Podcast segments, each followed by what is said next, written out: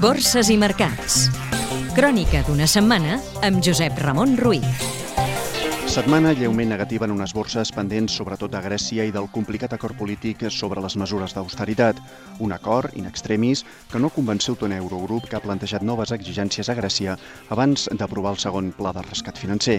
I és que ha estat una setmana de dubtes, d'incerteses, d'alts i baixos en els mercats de divises, del deute i de la renda variable. El Banc Central Europeu ha mantingut tipus i ha alertat que aquest 2012 encara serà un any dur, en línia amb la Reserva Federal Nord-Americana, que també ha defensat un preu del diner en mínims històrics.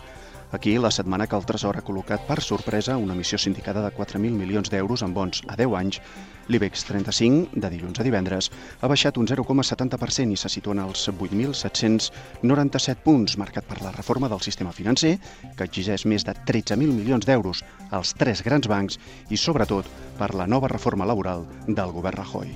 Des de l'1 de gener, la borsa espanyola acumula, però, uns guanys d'un 2,69%. Cotitzades catalanes. CaixaBank. Ha tancat una emissió de 1.000 milions d'euros en cèdules hipotecàries a 5 anys. Banc Sabadell. Ha col·locat entre inversors institucionals 1.200 milions d'euros en cèdules hipotecàries a 3 anys. Catalana Occident. Ha pagat un dividend a compte de l'exercici de 2011 de 0,1101 euros bruts per acció. El Mirall. Els laboratoris que han tancat un acord amb Bayer per a promocionar un anticoagulant a Espanya han anunciat un seguit de tràmits per a la comercialització del fàrmac Sativex a 11 països europeus. L'euro.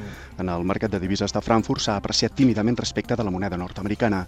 Lleument enfortit aquest divendres el Banc Central Europeu, que ve signes d'estabilitat, n'ha fixat el seu canvi oficial a 1,31 89 dòlars. El petroli. Enmig de l'increment de les tensions entre l'Iran i la comunitat internacional, el preu del barril de crup Brent, el de referència a Europa, s'ha encarit al voltant dels 117 dòlars de mitjana, després que l'Agència Internacional de l'Energia ha revisat a la baixa la seva previsió de demanda mundial de cru per aquest any. Vocabulari financer. Què són les cèdules hipotecàries? Es tracta de valors de renda fixa que emeten els bancs per poder-se finançar. Tenen la garantia de l'emissor i de la cartera de crèdits hipotecaris que té l'entitat. S'emeten a diferents terminis, tipus d'interès i condicions d'amortització.